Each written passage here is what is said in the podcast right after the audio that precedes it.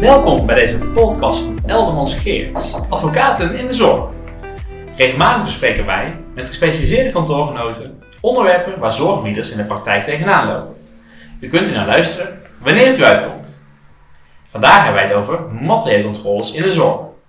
Ik ga in gesprek met Karik van Berlo van Eldermans Geerts, die vaak adviseert bij materiële controles in de zorg en dan vooral in de mondzorg, wijkverpleging, GGZ en farmacie. Karik, welkom. Dank je. Kijk, we hebben het vandaag over materiële controles. Wat is een materiële controle? Ja, materiële controle is een onderzoek van een zorgverzekeraar naar de rechtmatigheid en doelmatigheid van de zorg. En dat betekent dat de zorgverzekeraar kijkt of de zorg wel echt geleverd is, dus de feitelijke levering, en of het allemaal wel nodig was. En ik neem aan dat hij voor dat onderzoek dan ook gegevens nodig heeft. Uh, moet een zorgbieder altijd alle gegevens trekken aan de zorgverzekeraar? Nee, dat is uh, eigenlijk een groot misverstand in de zorg. Een zorgaanbieder heeft geheimhouding. Uh, het gaat in de zorg eigenlijk altijd, zeker als het om patiënten gaat, om bijzondere persoonsgegevens. Die hebben een bijzondere bescherming. En dan mag je die gegevens alleen verstrekken als er een wettelijke grondslag is. En, en die wettelijke grondslag uh, die staat in de zorgverzekeringswet. Dus, maar belangrijk daarbij is toch wel om goed te stilstaan dat er ook een verschil is tussen een gecontacteerde aanbieder en een niet gecontacteerde aanbieder omdat uh, een niet gecontacteerde aanbieder uh, deze zorggegevens niet zomaar mag verstrekken.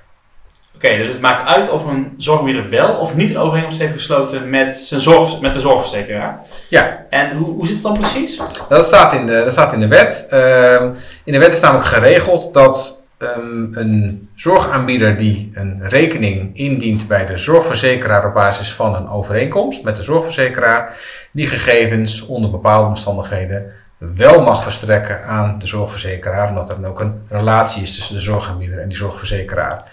Als je een zogenaamde niet gecontracteerde zorgaanbieder hebt, die dus eigenlijk alleen een relatie heeft met zijn patiënt, mm-hmm. die mag de gegevens bij een controle van de zorgverzekeraar eigenlijk nooit verstrekken aan de zorgverzekeraar.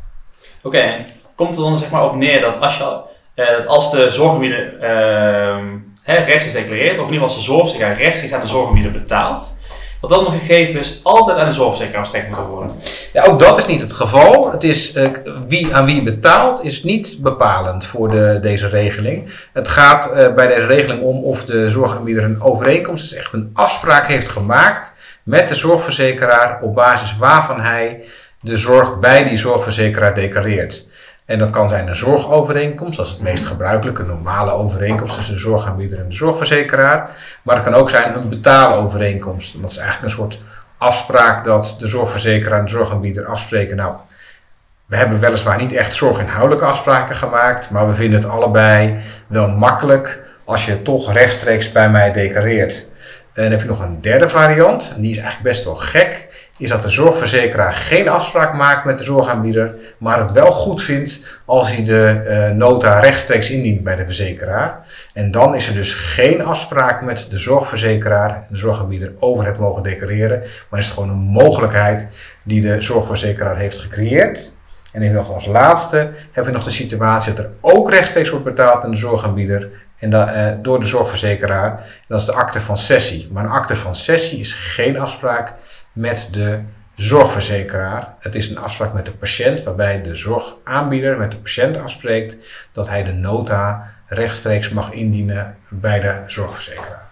Helder. Dus hè, als er sprake is van een overeenkomst, hè, een zorgovereenkomst of een betaalovereenkomst, dan mag die zorgaanbieder dus de medische gegevens aan de zorgverzekeraar verstrekken. En als het gaat om uh, nou ja, een niet gecontracteerde zorgaanbieder, dan mag dat niet. Maar hoe kunnen de declaraties van een niet gecontracteerde zorgaanbieder dan gecontroleerd worden door de verzekeraar? Dat is voor een verzekeraar ook best lastig om dat te controleren. Want uh, zoals net al gezegd, dat in, in die situatie mag je eigenlijk niet de gegevens verstrekken aan de zorgverzekeraar. Uh, dat kan wel, uh, maar dan heb je eigenlijk twee mogelijkheden. De eerste is, en dat is eigenlijk gelet op de relatie tussen partijen wel de meest logische, is dat de verzekerde die gegevens zelf verstrekt aan de zorgverzekeraar. Want in de wet is dan geregeld dat uh, de zorgaanbieder moet die gegevens dan wel verstrekken aan de verzekerde. Dus het is niet zo dat de zorgaanbieder op de gegevens mag blijven zitten. Hij mag ze alleen niet aan de zorgverzekeraar verstrekken en hij mag ze wel aan de verzekerde verstrekken. Dat is wel een logische stap, want dan kan de verzekerde zelf kijken, kijken wat hij allemaal met de zorgverzekeraar wil delen. Um, nou, in sommige gevallen vindt de verzekeraar dat lastig of vindt de zorgverzekeraar dat lastig. En dan wordt er ook voor gekozen dat er toestemming gevraagd wordt aan de verzekerde om deze gegevens dan te verstrekken aan de zorgverzekeraar. Vaak is dan de zorgverzekeraar die daarvoor het initiatief neemt en dan aan de verzekerde vraagt: Goh, vind je het goed dat ik deze gegevens opvraag bij de zorgaanbieder? En dat is niet goed. Het moet namelijk gaan als die toestemming wordt gegeven door de verzekerde, dan geeft hij de zorgverzekeraar toestemming om gegevens op te vragen. En dat is niet afdoende.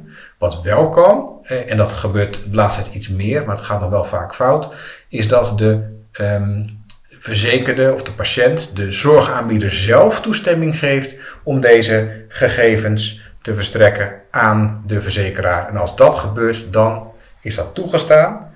Um, ook dat is um, ja, wel, wel lastig altijd, omdat je dan wel heel concreet moet zijn welke gegevens. Helder. Nou, stel, hè, er is een overeenkomst of een betaalovereenkomst, daar gaan we vanuit. Uh, moeten in dat geval dan altijd alle gegevens die de zorgverzekeraar op, opvraagt verstrekt worden door de zorgaanbieder? Nee. Er moet altijd een, een toets plaatsvinden voor hoeverre de gegevens die de verzekeraar opvraagt noodzakelijk zijn. Mm -hmm. En dat is namelijk geregeld dat um, een trapssysteem, dat noemen ze dan het proportionaliteitsbeginsel en evenredigheidsbeginsel, waarbij gekeken wordt um, eigenlijk per vraag die de verzekeraar heeft, uh, of die gegevens of die vraag ook beantwoord kunnen worden zonder dat je gegevens van de patiënt deelt. En als het niet kan, dan mag je wel gegevens van de patiënt delen, maar alleen voor zover dat noodzakelijk is. Um, en deze stappen moet je dus iedere keer doorlopen en afstemmen. En dat betekent ook ja, dat je daar een um, lastige positie hebt. Er is wel een handvat. De zorgverzekeraars Nederland hebben een protocol materiële controle, waar je uh, eigenlijk het stappenplan dat de verzekeraar zou moeten doorlopen uh, goed kan zien. Um, ja, en dan kan je op die manier kijken wat dan redelijk is. In de praktijk zie je nog wel eens voorkomen dat een verzekeraar uh, dat allemaal maar te langzaam vindt gaan en dan wat druk uitoefent. En dan is het een, door te zeggen, nou weet je, als je niet meewerkt, dan stop ik wel met betalen tot je wel hebt meegewerkt. Dus het is best een lastige afweging om te maken hoe of wat. En wat het ook moeilijk maakt, is dat de afweging om de gegevens wel of niet te verstrekken, dat is dus eigenlijk een afweging die de zorgaanbieder zelf moet maken. Mm. Hij krijgt dan van de verzekeraar dan de vraag en dan moet hij zelf kijken, ja, is dat nou noodzakelijk of niet? En als, als hij vindt dat het noodzakelijk is, dan mag hij het verstrekken en dan moet hij het verstrekken. Maar als hij vindt dat het niet noodzakelijk is, dan mag hij het niet verstrekken. En heeft hij wel alle risico's die daarmee horen. Ja, hoe weet je nou als zorgaanbieder uh, wat noodzakelijk is? Ja, een belangrijke uh, indicator voor is eigenlijk de vraag die de verzekeraar heeft. En het is heel belangrijk om die vraag van de verzekeraar helder te krijgen. Want uiteindelijk gaat het erom dat de verzekeraar uh, een, een, onzekerheid heeft over de declaratie. Die wil die beantwoord hebben. Uh, en dat moet hij opschrijven in, het, in een materieel controleplan. Dat is een specifiek controleplan is dat. Dat ziet op de vraag die de verzekeraar heeft voor die concrete onzekerheid. En de antwoorden die je moet geven, moeten dus ook passen bij die specifieke vraag. En als een verzekeraar daar veel meer gegevens voor opvraagt, dan kan je zeggen, nou, voor de vraag die jij hebt over dat stukje, kan je ook volstaan met bijvoorbeeld een uh, dagrapportage. Of kan je ook zeggen, nou ja, je kan ook werken met een verklaring van de patiënt dat ik er wel geweest ben, als je niet gelooft dat ik er geweest ben. En dat soort gegevens moet je dan eerst toetsen voordat je het hele dossier gaat overleggen. Oké, dat kan je dus dan doen aan de hand van dat controleplan. Maar wat als de verzekeraar weigert om zo'n controleplan te verstrekken? Ja, dan, dan kan je eigenlijk geen gegevens verstrekken. Daar komt het op neer, want dan kan je niet goed toetsen uh, wat nou eigenlijk de vraag is en wat je mag verstrekken. Het is een lastige afweging, maar dan kom je in een soort spagaat terecht. Want dan wil je aan de ene kant uh, de verzekeraar uh, wel te willen zijn, want dat is toch een belangrijke contractspartij. En aan de andere kant heb je de bescherming van de privacy van de verzekerde. Dus in dat geval doe je er verstandig aan om toch zoveel mogelijk nadere vragen te stellen en aan te dringen op het controleplan of nadere duidingen van de vragen. Zodat je toch een beter beeld krijgt van wat nou de vraag is. En als je het goed onderbouwt en uh, wel duidelijk laat blijken dat je wel wil meewerken aan de controle, maar dat je niet mee kan werken aan de controle als niet genoeg gegevens worden verstrekt wat nou precies de vraag is, dan zie je dat vaak de verzekeraar wel bereid is alsnog wat nader toelichting te geven, waardoor je voor jezelf de vraag kan beantwoorden of je de gegevens mag verstrekken. Ja, en hoe zit dat dan met een fraudeonderzoek? Ja, dat is een beetje een, een uh, vreemde eend in de bijt. Een uh, fraudeonderzoek is eigenlijk een soort materiële controle met wat uh, beperkingen. En die beperkingen zitten op dat de verzekeraar uh, dan bepaalde gegevens niet met de zorgaanbieder hoeft te delen als dat het onderzoeksbelang zou kunnen schaden. En, maar dat gaat dan wel weer alleen om de gegevens voor zover die het onderzoeksbelang zouden kunnen schaden. Mhm. Dat is een lastige afweging, dan kan je eigenlijk minder goed toetsen. En toch is dat wel voorzien, dus je moet het er dan in zekere zin mee doen. Maar fraudeonderzoek is dus ja, een, um, het doet zich voor, overigens niet alleen als de verzekeraar fraude vermoedt bij de zorgaanbieder. Een fraudeonderzoek kan ook uh, zich voordoen als de verzekeraar vermoedt dat er fraude is bij de verzekerde zelf. Dus het is een hele casuïstische situatie. Het is lastig om daar een eenduidige lijn te zeggen van wat je daar precies moet doen. Uh, maar in essentie betekent dat dat je daar heel zorgvuldig moet handelen en heel goed moet kijken uh, wat je moet doen. Het is wel overigens, een, als je te maken krijgt met de fraudeafdeling van de zorgverzekeraar, een moment dat bij de organisatie intern alle alarmbellen moeten afgaan. Ja. Want is de verzekeraar in ieder geval van mening dat er echt iets mis is. Ja, Helder, ja, dat, dat, zo, zo klinkt het ook fraude. En uh, maakt het uit als in de overeenkomst staat dat een zorgaanbieder moet meewerken aan de controle? Hè? Want ja, je vertelt nu net hoe dat dan zit met hè, uh, noodzakelijkheid, proportionaliteit. Maar maakt nog iets uit dat als in de overeenkomst staat dat een zorgaanbieder gewoon sowieso moet meewerken aan de controle? Nee, dat maakt niet uit, want je hebt te maken met een wettelijke plicht tot het niet verwerken van bijzondere persoonsgegevens en geheimhouding. En het kan niet zo zijn dat je overeenkomt met een partij die geheimhouding te schenden. Uh, dus dat, die, contractuele bepaling uh, die kan er niet voor in de plaats komen. Om een voorbeeld eh, te noemen waar het ook niet kan. Het kan ook niet zo zijn dat in de polisvoorwaarden van een verzekeraar staat dat een verzekeraar op voorhand toestemming geeft. Dat is net zoiets, dat kan je niet contractueel verlichten. Het moet allemaal vrij zijn. Dus. Ja, en Oké, je hebt het over die toestemming. Dus, maar als dan dat noodzakelijkheidscriterium voldaan is, uh, kunnen dan de gegevens worden verstrekt zonder toestemming van die verzekerde? Ja, dat is, de, dat is eigenlijk de wettelijke uitzondering op basis waarvan je de geheimhoudingsplicht of laten de, het verbod tot het verwerken van die bijzondere persoonsgegevens mag doorbreken. En dat is inderdaad indien en voor zover aan dat noodzakelijkheidsvereist is voldaan. En dat is dus de toets die de zorgarbeider moet toepassen. Um, en dat betekent dus dat als aan die eisen is voldaan, dan mag je het ook verstrekken en dan kan de verzekeraar er ook niks van vinden. Um, het is natuurlijk wel dat je altijd kritisch moet kijken of aan die eisen is voldaan. En daar zie je in de praktijk nog wel eens dat um, ja, de, de verzekeraar meer wil. Wat zie je dan in de praktijk? in de praktijk zie je dat de zorgverzekeraar eigenlijk een eerste stap zet met een statistische analyse. En dan dat betekent eigenlijk dat, dat er wordt een lijntje getrokken en dan wijk je af als zorgaanbieder van het gemiddelde. Of de verzekerde wijkt qua kosten af van wat de zorgverzekeraar gemiddeld verwacht. Vervolgens worden daar dan eigenlijk vragen over gesteld, maar die vragen kunnen dan niet worden beantwoord puur op basis van statistische gegevens. En dan zie je in de praktijk het vaak wel misgaan, omdat dan de verzekeraar denkt, nou, op basis van de statistische data kan ik deze vraag niet beantwoorden. Nu moet ik het hele dossier zien. En dat is niet juist. Er zit een hele wereld tussen. Dat blijkt ook uit het protocol van de zorgverzekeraars, het protocol materiële controle. Dan moet je eerst stapsgewijs dus kijken van wat je wel kan verstrekken en wat je niet kan verstrekken. Eh, dus het voorbeeld als de, de, zorg, eh, de vraag is of de zorg feitelijk geleverd is. En daarvan kan je denken van oké, daar hoef je niet gelijk een dossier van te verstrekken. Je kan ook bijvoorbeeld werken met urenbriefjes, uh, al dan niet afgetekend. Je kan uh, een verklaring van een patiënt hebben. Je kan een verklaring van personeelsleden hebben. Het zijn allemaal zaken van als het puur gaat om de vraag van is iemand ergens wel geweest, dan kan je ook op een andere manier bewijs van aanleveren.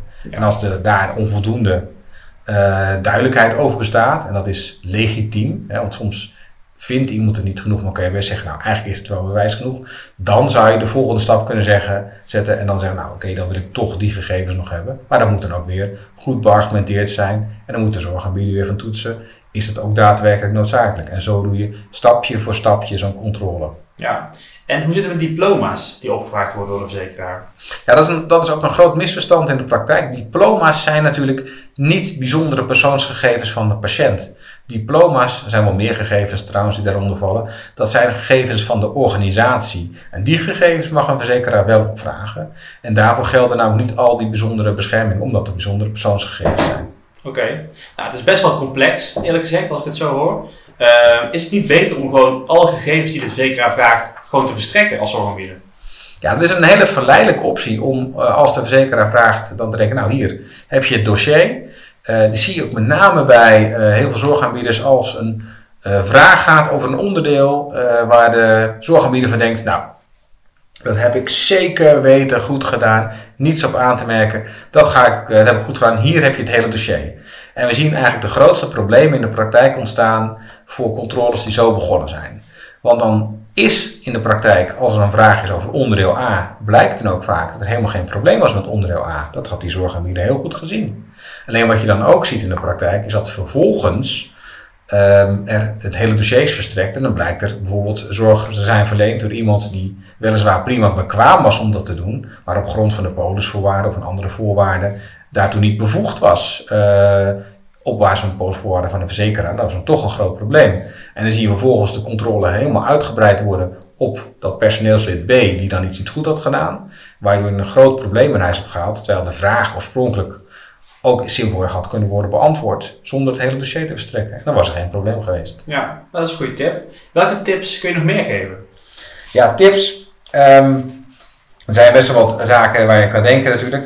Allereerst, dat is misschien heel makkelijk. Um, uh, een van de tips is kijk naar onze website en kijk naar de 10 geboden bij materiële controle. Dat is een handig lijstje met punten waar je aan kan denken in welke situatie.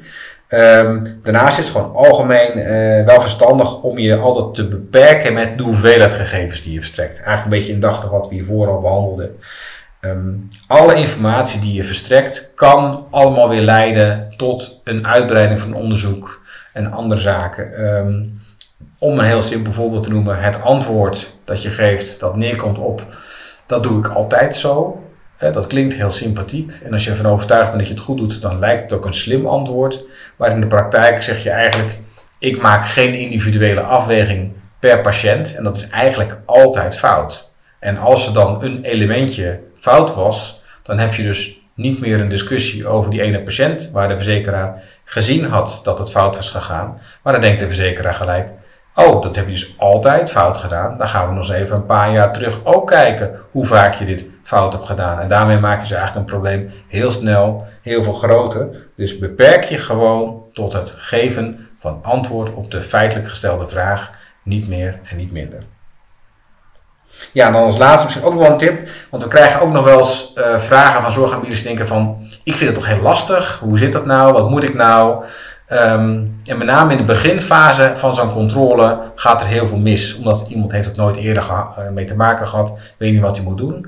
Juist voor die groep hebben wij een uh, controlespreekuur, materiële controlespreekuur. Iedere vrijdag van 2 tot 3 kunt u kosteloos bellen. En dan kunt u gewoon vragen stellen en dan helpen wij u weg met zo'n controle. Nou, hartstikke bedankt. Nou, ik vat het nog even kort samen dus als u als zorgaanbieder te maken krijgt met een materiële controle, dan ja, moet u goed nadenken of u gegevens mag verstrekken of dat niet mag doen. U heeft immers een beginsel een geheimhoudingsplicht en mag deze dus alleen doorbreken als daar afdoende grondslag voor is. Nou, en ik denk eigenlijk als men daar een vraag over heeft, dat ze ons dan uiteraard kunnen bellen. Ja, uiteraard. Het is, uh, we helpen u graag op weg. En uh, uiteraard hopen we ook natuurlijk dat u hier niet mee te maken krijgt. Maar goed, iedereen is een keer aan de beurt. En dan is het gewoon goed als u een beetje hulp krijgt. Hartelijk dank voor je aanwezigheid. Ja, ook bedankt.